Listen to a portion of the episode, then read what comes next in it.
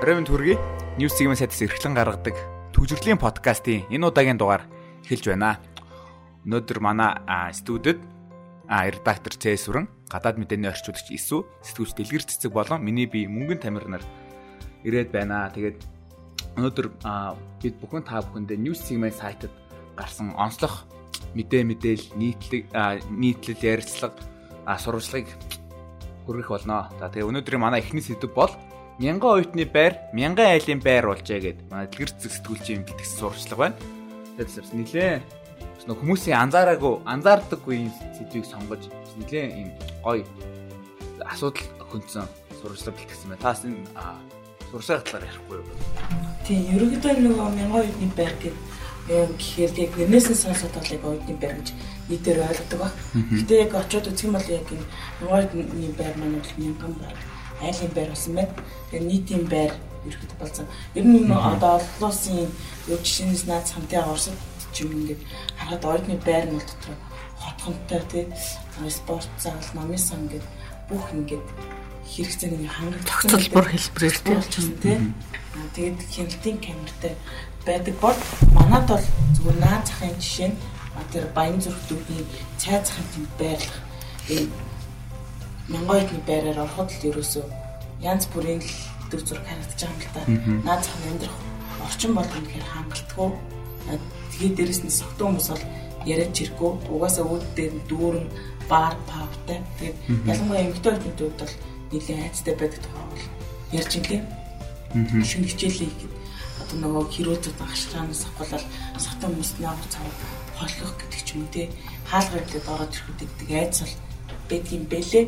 Тэгээ ерөөдөө яг Монголын нэг нөхцөлөг ийм л дүр төрхтэй байна. Яг хамгийн гол нь нөгөө нэг оюутны байрны ойролцоо энэ оюутны байрыг чинь нийтийн байр ингээд болчихсон. Дээр нь ингээд өө дээр нь дүүрэн одоо нэг номын сан байх хэрэгтэй байдал спорт зал гэдэг ч юм уу тийм ийм байх хэрэгтэй байдал ерөөсө бар паб караоке битүү мэдээж караоке бар паб юм бол ойдоо дүүшүүлтгүүл гэж хэлж байгаа юм та. Аа. Угаасаа л тэгж хэлэн тодорхой. Тэгээд гэтээ гол өвшүүлэгч нь бол мэдээж залуус байгаа тэнд нууцаар үйлж байгуулж байгаа PC тоглоомын газар ч байгаа. Тэгээд оюутнуудын хувьд бол гэхдээ яг жинхэнэ хүсэл нь юу гэхээр энэ бар паб бол сонир биш ээ тий. Ядаж нэг спорт залтай номын сан тоглохыг бол хүсэж байгаа юм л та. Энд тэгээд хамгийн өөр ингэж явах наад захын 6 айлын хаалга тогшоод нэг нь оюутан бусд нь түрээсэх юм байна гэд.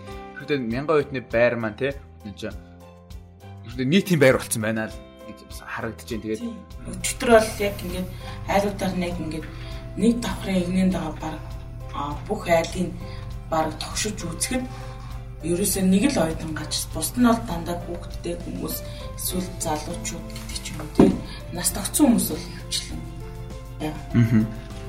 Ерөөхдөө энэ бас сурвалж дээр зургуудаас нас ерөөхдөө бүх юм харагдаж байна л да. Яг л нэг тийм хуучны нэг сумын нэг төвийн нэг нийтийн дотор байр шиг яг тийм нэг тийм оюутан амьдарч байгаа шиг л нэг ажиглахдахгүй байна. Ерөөдөө дандаа үн хямд учраас бас аргагүй ихэнд оюутнууд энд өөрөө хөсөлж байдгаа тий.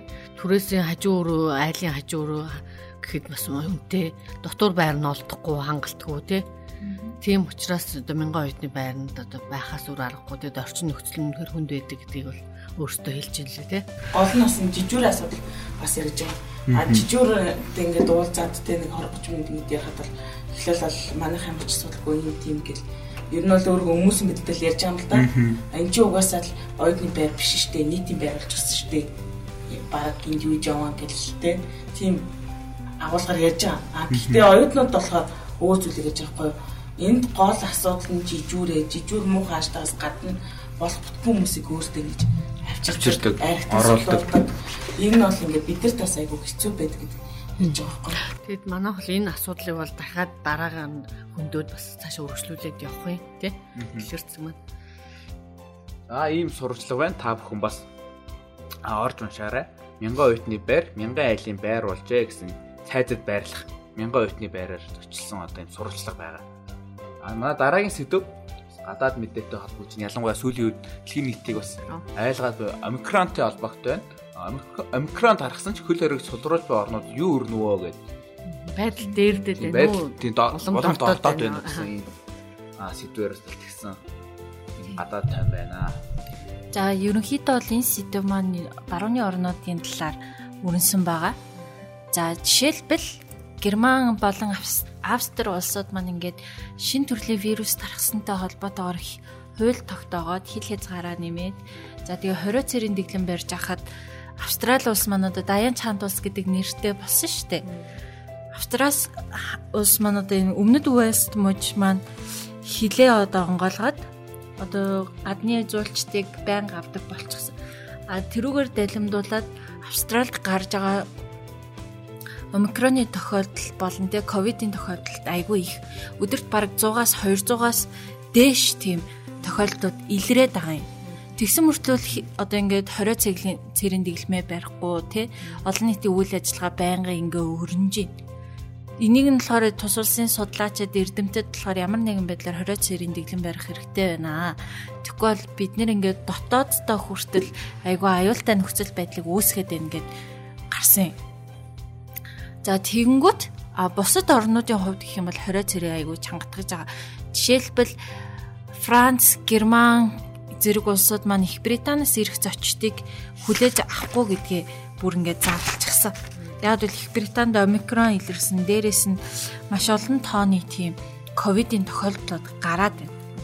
За тэнгуудаас Австралтай адилхан Шин Зеланд биш үү?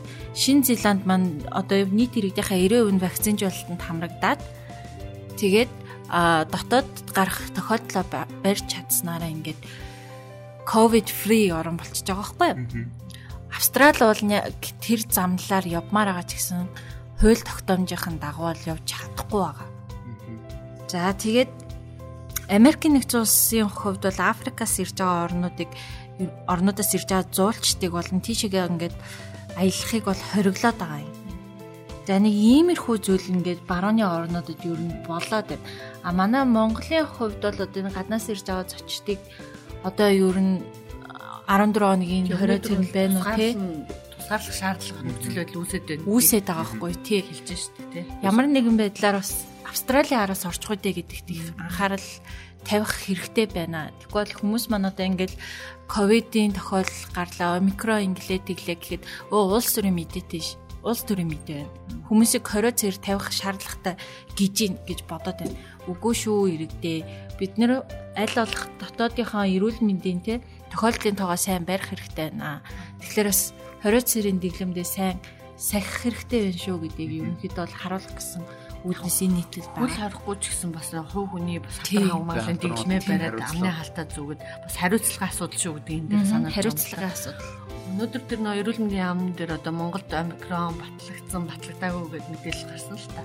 Энэ бол яг албаныхан бол яг энэ шинжилгээний хариу яг эцэлж гараагүй эргэлзээтэй байгаа учраас яг ингээд омикрон хуулиар Монголд батлагдаа гэж хэлэхгүй байгаа. Тэн дээр тийм учраас бас эрүүл мэндийн яамнаас тайлбар өгөөд Тэр хариу нөлөөж байгаа гэж ойлгосон зүг үү? Тийм, шинжилгээний хариу байгаа.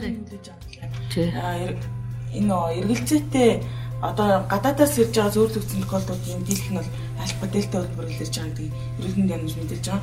Аа тэгээд энэ эргэлзээтэй гэсэн шинжилгээнүүдээр Японд руу одоо явуулчихсан. Одоо хариугаа үлээгээд тийм болохоор альфасны мэдээлэл өгөхгүй гэдэг байр суурийг бас эрүүл мэндийн яамаас илэрхийлж байна. Гэсэн цаар тахад хөл яриа гэсэн талбар нийслэлчүүд манаас жил болгон уламжлал болгоод төд албаа дээр шинэ оноо а одоо одоо угтдаг байлаа шүү дээ. Энэ жил бас мөн адил өнгөрсөн жилийнхтэй адил гадаад талбайд ялангуяа төв талбайд шинэ жилийн олон цогц шинэ жилийн арга хэмжээ зохион байгуулахгүй гэсэн юм шийдвэр гарсан байгаа шүү. Тэгээс та бүхэн бас 31-ний орой гэртээ байх нь байх шүү.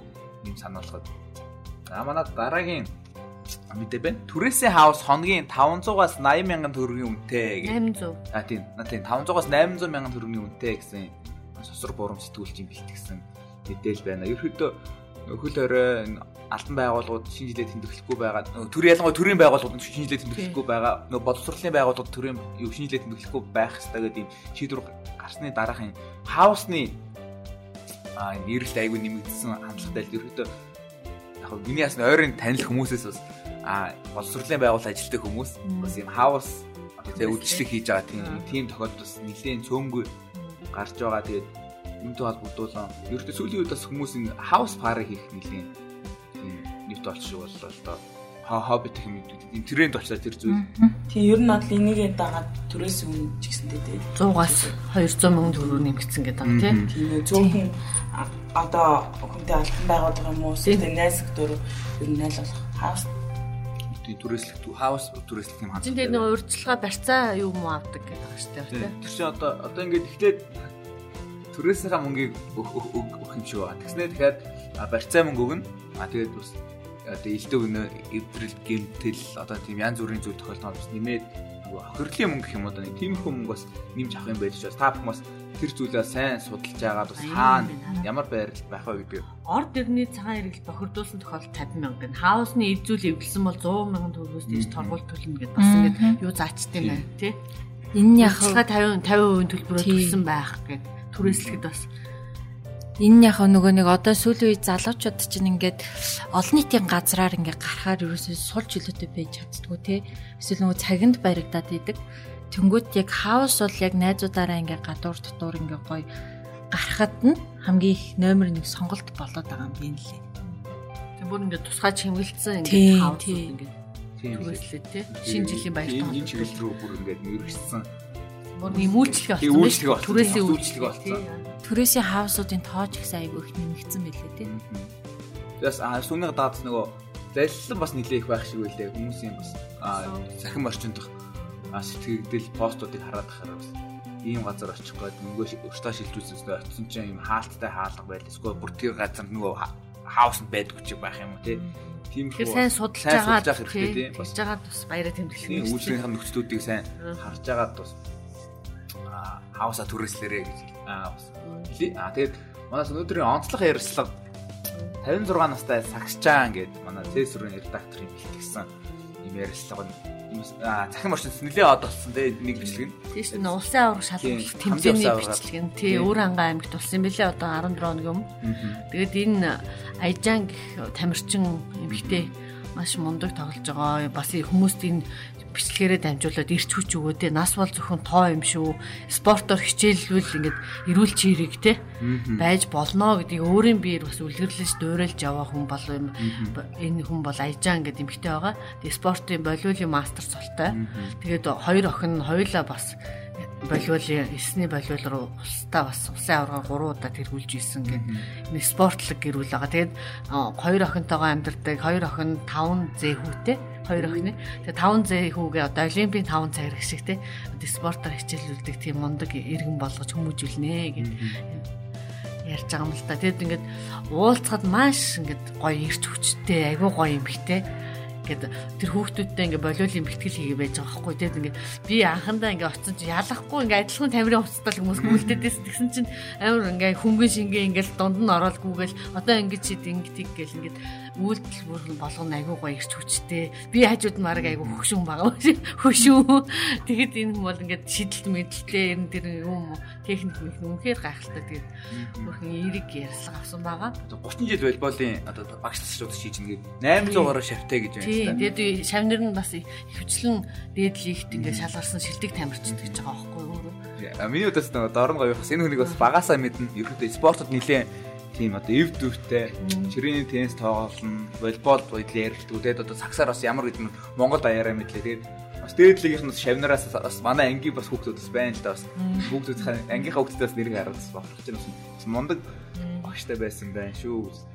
хэлмээр байна. Тэгээд та бүхэн бас энэ хүү бас видеотой те гол нь Видео. видеотой энэ текст нь бас юм бичвэртэй юм ярьслаг уншааг эсвэл news segment сайтын өнөөдөр орсон 56 настай сагсчаан гэдэг ийм Хүрэг уншаарай. Тэг хүрэг ярьслаг байгаа. А за манай а спорт гэснээс бас өнөөдөр бас огчтор бас нэг зүйл болсон нөгөө Монголын үндэсний олимпийн орооны хараат а, сонгуулийн комисс байгуулагдсан байгаа. Ерөөдөө олимпийн орооны бас олимпийн ороог тойрсон бас дүүлэн шуугаанууд, хэрүүл маргаанууд зэгсрэхгүй бас нэлээд удлаа. Тэгээд одоо нэг төлөөлөгчдийн гişүүдийн бас чуулганаар энэ бүх асуудлаа цэгцэлж шинэ ерөнхийлөгчөө сонгож тэгээд нэгдмэл удирдлагатай болох хандлагатай байна. Тэгээд яг та бүхэнд бас а, дуртахад өгчтөр шинээр сонгогдсон хараат бус сонгуулийн комиссд нь а, Бат заяа, Сэргэлэн бат их сайхан одоо юм хууль, спорт, ер нь салбар салбар юм шилдэгүүд шилдэгүүд хэмжээ хүмүүс сонгогдсон байна. А за дараагийн мэдээ болохоор гадаад мэдээтэй холбогдож байна. А дэлхийн эрүүл мэндийн байгууллагаас зөвлөмж гаргасан байна. Амьдралаа золиослосноос арга хэмжээгээ зогсоо гэдэг зөвлөмж өгч байгаа юм л да. Одоо нөө хаа сайгуул дэлхийд даяар ингээд шинэ жил зуул сарын баяр гэлэр хөл хөтөлбөөнтэй байгаа. Омикрон гэдэг маш тархацтай, хурдан тархацтай халдвар бас цар тахлын нэг хувилбар нь галтсан байгаа. Тэгэхээр энэ үед дэлхийн эрүүл мэндийн байгууллага бол бас баярын арга хэмжээгээ бас зогсоогооч гэдэг зөвлөмжийг бас өгч байгаа. Одоо нэг шинэ жилийн баяртай холбогдоод энэ Европ, Америкийн Америк TV усууд бас ингээ амар бужигдээ л. Тэгээ удахгүй нөгөө цагаансаар болон Азууд ч Тэгэн штэ. Одоо бос бужигнэ. Тий. Солонгос гэл. Бас а ерөөдөө шинэ жил энэ цагаан сарыг бас давчуулт энэ энэ их олны хөл үүмэнийг давчуулт бас гайгүй болсон. Тэгээд эндээс бас нэг энэ хөлбөрөө. Аа талаар болохоор ингэж байхгүй халдварын тоо тасралтгүй нэмэгдэж эрүүл мэндийн салбар ачааллаа дийлэхгүй болж байна. Энэ үед бол ингээ омикроны хөлбөр гарч ирж байгаа. Тэгээд ингээ хайцсангуй хөнгөн шинж тэмдэгтэй ч гэсэн ер нь энэ бол бас ингээд үл тоож болохгүй. Тийм. Юмаа гэдгийг бас дэлхийн эрүүл мэндийн байгууллагын эрдэмтэн бас зөвлөсөн байна лээ.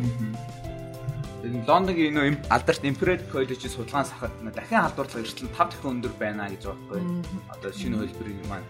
Тэгэхээр бас омикроныг бас те одоо юу хий үл үл үл тоомсорлож одоо тийм одоо зүгээр л нэг бус одоо өмнөх хөлбөртэй адилхан гэж бас. Юу ч тийм нөө вакцин хийлгсэн ч өвдөөд идэгсэн ч гэсэн бүх хүмүүст л огт вакцин хийлгээгүйгээд ер нь ялахгүйгээр л энэ халдвар хувилбараар өвчлөн шүү гэдгийг бас хэлээд байгаа шүү дээ. Тэгээд энэ омикрон холбоор чи өөрөө яг энэ хүүхдүүдэд илүү эрсдэлтэй юм билээ. Тийм. Тийм. А насанд хүрсэн хүмүүсийн хувьд бол өвчлөх одоо тэг хүндрэх эмнэлэгт хийдэг эрсдэл нь вакцинжуулалт хамрагдсан. Тийм вакцин хамрагдсан. Юмсөө хүүхдүүдэд бол нэлийн эрсдэлтэй учраас одоо олсон цог комиссаас ийм эрт арга хэмжээг авсан болов гэж бас харсан. Тэгэхээр бас яг энэ шинэ жилийн уур амьсгал орсон юм ялангуяа бага насны хүүхдүүдэд аль болох холууны газараас авч явахгүй байх нь эцэг эхчүүдийн нөгөө хүүхдээ хамгаалах хамгийн энгийн алхам юм болов хариуцлага бас үү. Өнөөдөр бас нэг тийм одоо манай ахмадуудад тэтгэврийн нас намаас нэг тааламжтай мэдээ гарсан. Тэтгэврийг 120 мянгаар нэмэх хуулийн төслийг өргөн барьжээ гэсэн мэдээ гарсан. Усыг хурдан бүрд тийм. Нийгмийн даатгалын сангаас олгох тэтгэвэр тэтгэмжийн тухай хуульд өөрчлөлт оруулах тухай хуулийг дагаж мөрдөж урмын тухай хуулийн төслийг зөвхөн даргасан байна. Зам шатрах өнөөдөр өргөн барьжээ. Тэгээд бас одоо хуулийн төслөөс дэмжигдүүл манай ахмадууд тэтгэврийн насныхан а тэтгэвэр нь 120 мянган төгрөг нэмэгдэнэ За дараагийн мэдээ. Аа нөгөө бас Солонгос Монгол охины хэрэг гараад нэг хэсэг нийгмийг бас хөхөмдууллаа. Тэгээ үүнтэй холбогдуулан Солонгосын талаас мэдээлэл гаргасан байна. Тэгээ Солонгосын талаас аа юу гэсэн бэ гэхээр Монгол охины дээрлэх хэрэг гарсанд харамсч байна гэсэн юм. Тэгээ энэ хэрэг дээр нөө Солонгосын хүний эрхийн комисс гэх юм уу те энэ байгууллагаас ажилласан юм байлээ л дээ. Тэгээд энэ дээр алтан бичиг хөргүүлсэн юм байлаа Монголын үндэсний комиссаас Солонгосын одоо хүний комисс хамт гэх юм уу. Тэгээд тус алтан бичгээд 10 хоног 14 хоногийн дараа ирсэн бөгөөд Солонгост өсвөр насны охтод хүчрхийлүүлсэн Монгол охины хэрэгт тус өрхийн одоо хүний эрхийг хамгаалах байгууллага онцгой анхаарч бугаас эндэн хэсрэг мэдгдсэн байлаа тэгээд тийм. Тэрс юм харамсаж байгаагаас илэрхийлсэн нэлийн бас монголчуудыг бас нэлийн монголын сэтгэлийг өвтгсөн тийм хэрэг гарсан. Тэгээд бас үн зүгээр шийдэгдээсээ те солонгосын хууль хүчний байгуулах энэ хэргийг бас зүгээр өнгөрүүлэлгүй ном журмынхаа дагуу шийдээсэй гэж хүсэж байна. Тэгээд энэ нэг бас гомдлыг хянаж дуусаад одоо дуусмагт одоо Монголын хүний эрхийн комиссуудаа хариуг нь хөргүүлнэ гэсэн дурдсан байлээ. Ямар ч гэсэн бас чимээгүй болчоогүй л байгаа юм байна те. А дараагийн мэдээ минь гадаад мэдээ. Их Британий Food Bank а food bank-д үйлчлүүлэгч иргэд нэмэгдэж байна гэдэг. Одоо food bank нь сайн дурын одоо хоол хүмүүст нүгүүд хараадаг гэх юм уу тийм.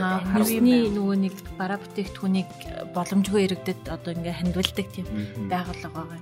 Одоо сүүлийн үед нөгөө нэг барууны орнууд бол манай Монголд ч ихсэн ялгаагүй шатхууны үн өсөж гин, өргөн эргэлээний барааны үн өсөж гин тийм. Энэ нь бас их Британд их өрнөд илээ. За цар тахлын улмаас болонгууд одоо нөгөө нэг ажлын байрны цомхтгол их гарсан юм байна. А үүнээс улбалаад ажилгүй иргэд нөгөө нэг өдөр тутмын өртгөө ингээд дийлж чадахгүй болцсон. Шатгуунаа авч чадахгүй болцсон. Цахилгааныхаа мөнгийг түлж чадхааргүй болцсон юм иргэдэд оршилсноос болоод энэ food bank нь одоо Их Британд 2200 гаруй юм салбар бий болоод хүмүүст ингэж тусламжийн үйл ажиллагаа явуулдаг нэ. За 7 хоногт ерөнхийдөө бол нэг 200-аас 300 орчим хүмүүс үйлчлүүлдэг байсан 9 сарын хувьд бол. А сүүлийн 10 сараас эхлэнгүүд энэ хүмүүсийн тоон өдөрт бараг 70 70 хүн нэмэгдэж ирж байгаа судалгаа байна гэж одоо Big Dad's House гэд нэртэй юм food bank-ны эзэн хэлсэн байгаа юм. Хүмүүс нь тэгээ бас нэг одоо ингээд food bank-аар ингээд үйлчлүүлж ингэж хандж байгаа нэг гол шалтгаан гэх юм бол Их Британд одоо энэ цахилгааны үн өссөнтэй холбоотойгоор одоо өртгийн дийлэхгүй байгаа хүмүүс ингээд тог захиалгаангүй болсноос хүүтэн үлдснөөс зүгээр хоолноос идэх хоолныхоо мөнгнөөс хасаад ингээд дулаахан амьдрья. тий. сонголт хийж байгаа юм биш. Тий сонголт хийх юм бүр айгүй хүнд шалгуурал дээр тулсан байгаа. Тэрнээс үүдээд хүмүүс одоо ихэвчлэн олж байгаа орлогынхаа их их мөнгөийг захилгаанд өрөнгөтэй а байгаа баг зэргийн мөнгөө хадгалаад food bank-аар ингээд зочилдог очиж үйлчлүүдэг тусламж хүсдэг болчихсон бэ лээ. Манай Монголын хувьд ч гэсэн одоо бараг ялгаагүй болох гээд байна шүү дээ, тий. Иргэд махныхаа үнийг дийлэхгүй байна. За тэгээд бензиний үн өсөж байна. Одоо ямар нэгэн байдлаар Монголд бас юм food bank шиг үйлчлэгээ гараад ирэх үе, тий. Эндээс нэг анхаарал татж байгаа үг юм л да. Бүтэн жилийн хугацаанд шатхуун цахилгааны үн 413 хувиар өссөн. Ард иргэд өвний өртөд дийлэх байж хүнсний өмнөөс хүнсний хэрэглээний өмнөөс хасж яана гэдэг хасахад хүрэж байна гэдэг нь одоо Лондонд ийм зүйл болсон байна. Монголтай бас айгүй төстэй. Статистикийн үндэсний ороос нөгөө бараа бүтээгдэхүүний үн 57% лөө тийм өссөн гэсэн бас тийм мэдээлэл гаргасан байлээ. Тэрдээс а ер нь цар тахал бол дэлхийн одоо бүхий л усад а сайн муугаар нөлөөж ялангуяа муугаар айгүй нөлөөж ах шиг байна. Тэгээд одоо одоо өндөр хөгжтэй гэдэг Англид хүртэл Лондон Лондон хотод хүртэл ийм зүйл болж байгаа юм байна.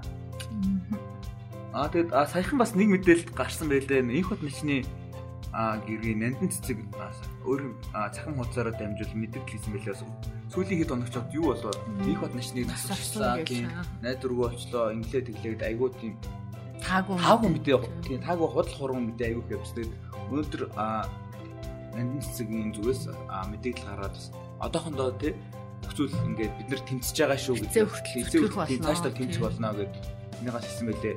А тэгээд нэг инх хот начин гэсэн нөгөө инх хот начны бас хүнд бас гэмтэл учруулсан хүний биед бас халтсан гэдэг нөгөө төвшин баяр аваргын маань хувьд а эрх пүрүү гарагт өрчлөө хэлцүүлэх энэ сарын 23 энэ сарын 23 буюу эрх пүрүү гарагт өрчлөө хэлцүүлэх болох юм байна. Тэгээд шинэ эрэг бас тэгээд тун удахгүй үн үн зөв нь бол олны анхааралтай байгаад ч үн зөв шийдэгдээсээ Инх тийм начны бас бий сайжраасаа гэдэг дээр бас олон. Анх бол ингээ бүх сонирхчдын хувьд айгүй тийм одоо тийм сэтгэлнүүдээс одоо Монголын арт хүмүүс одоо бүх нийтээр ингээ тийм нийтлээ бас сэтгэл зовж байна тийм. Одоо босоод ирээсээ а ерөө ёо. А тэгээ сүүлийн өнөөдрийн сүүлийн мэдээ жилийн хоцрогдлыг нөхөд 3 жил шаардлагатай юм аа. Цусар буран сэтгүүлчийн гэсэн мэдээ байна. Эхлээс цар талаас бол зүүнцэн байгалийн хүүхдийн сан боловсролын шинжилх ухааны амтай хамтраад тэгээд цар тахлын нөхцөл байдал юм хичээлийн хоцрогдолтой ямар байгаа талаар ингээд судалгаа тайлан хийсэн байна л да. Тэгээд тэр судалгааныхаа тайланг өнөөдөр танилцуулсан. Тэгээд ерөнхийдөө бол энэ цар тахлын улмаас ингээд ТV хичээл одоо гараад байгаа сэтгүүлүүд энд хамрагдаж чадахгүй байгаа 174 мянган хүүхэд байгаа гэх тийм алтан мэдээлэлүүд байдаг байхгүй юу. Тэгээд энэ одоо эдгээр хүүхдүүд маань ингээ хамрагдаж чадахгүй байна. Тэгээ бас ер нь цар тахлын улмаас байна. Яг ингээд нэг хичээлийн хоцрогдлоос болоод ингээ цар тахлын үеийнхэн гэдэг бүр юм хоцрогдлын бүр ингээ нэгэн үе гарч ирж байна тий. Тийг бас албаныхаа өөртөө бүлээн зөвшөөрчлөө. Одоо бараг 40 50 жилийн дараа бараг би бид нар хоцрогдлын үеийнхэн цар тахлын үеийнхэн гээ томьёотой болох нь шүү. Тэгээд бас энэ хамгийн хүн тусч байгаа хүүхдүүд байхгүй. Ингээ сургууль сурч боловсруулах хэрэг байна. Тий. Тэгээд хоол хүнсний дутагдалд бас орж байна хичээлээ. Тэгээд бас сэтгэл зүйн хувьд төгшөөртэй, айцтай, стресстэй байна. Энэ цар тахал бол хүүхдүүд бол хамгийн их нөлөөлж байгаа. Бид нэр ирээдүйд хамгийн дагавар авчирч байгаа байхгүй тийм. Тийм шүү дээ. Одоо жишээ нөгөө 24 цагийн цэцэрлэг гэж байдаг шүү дээ тийм.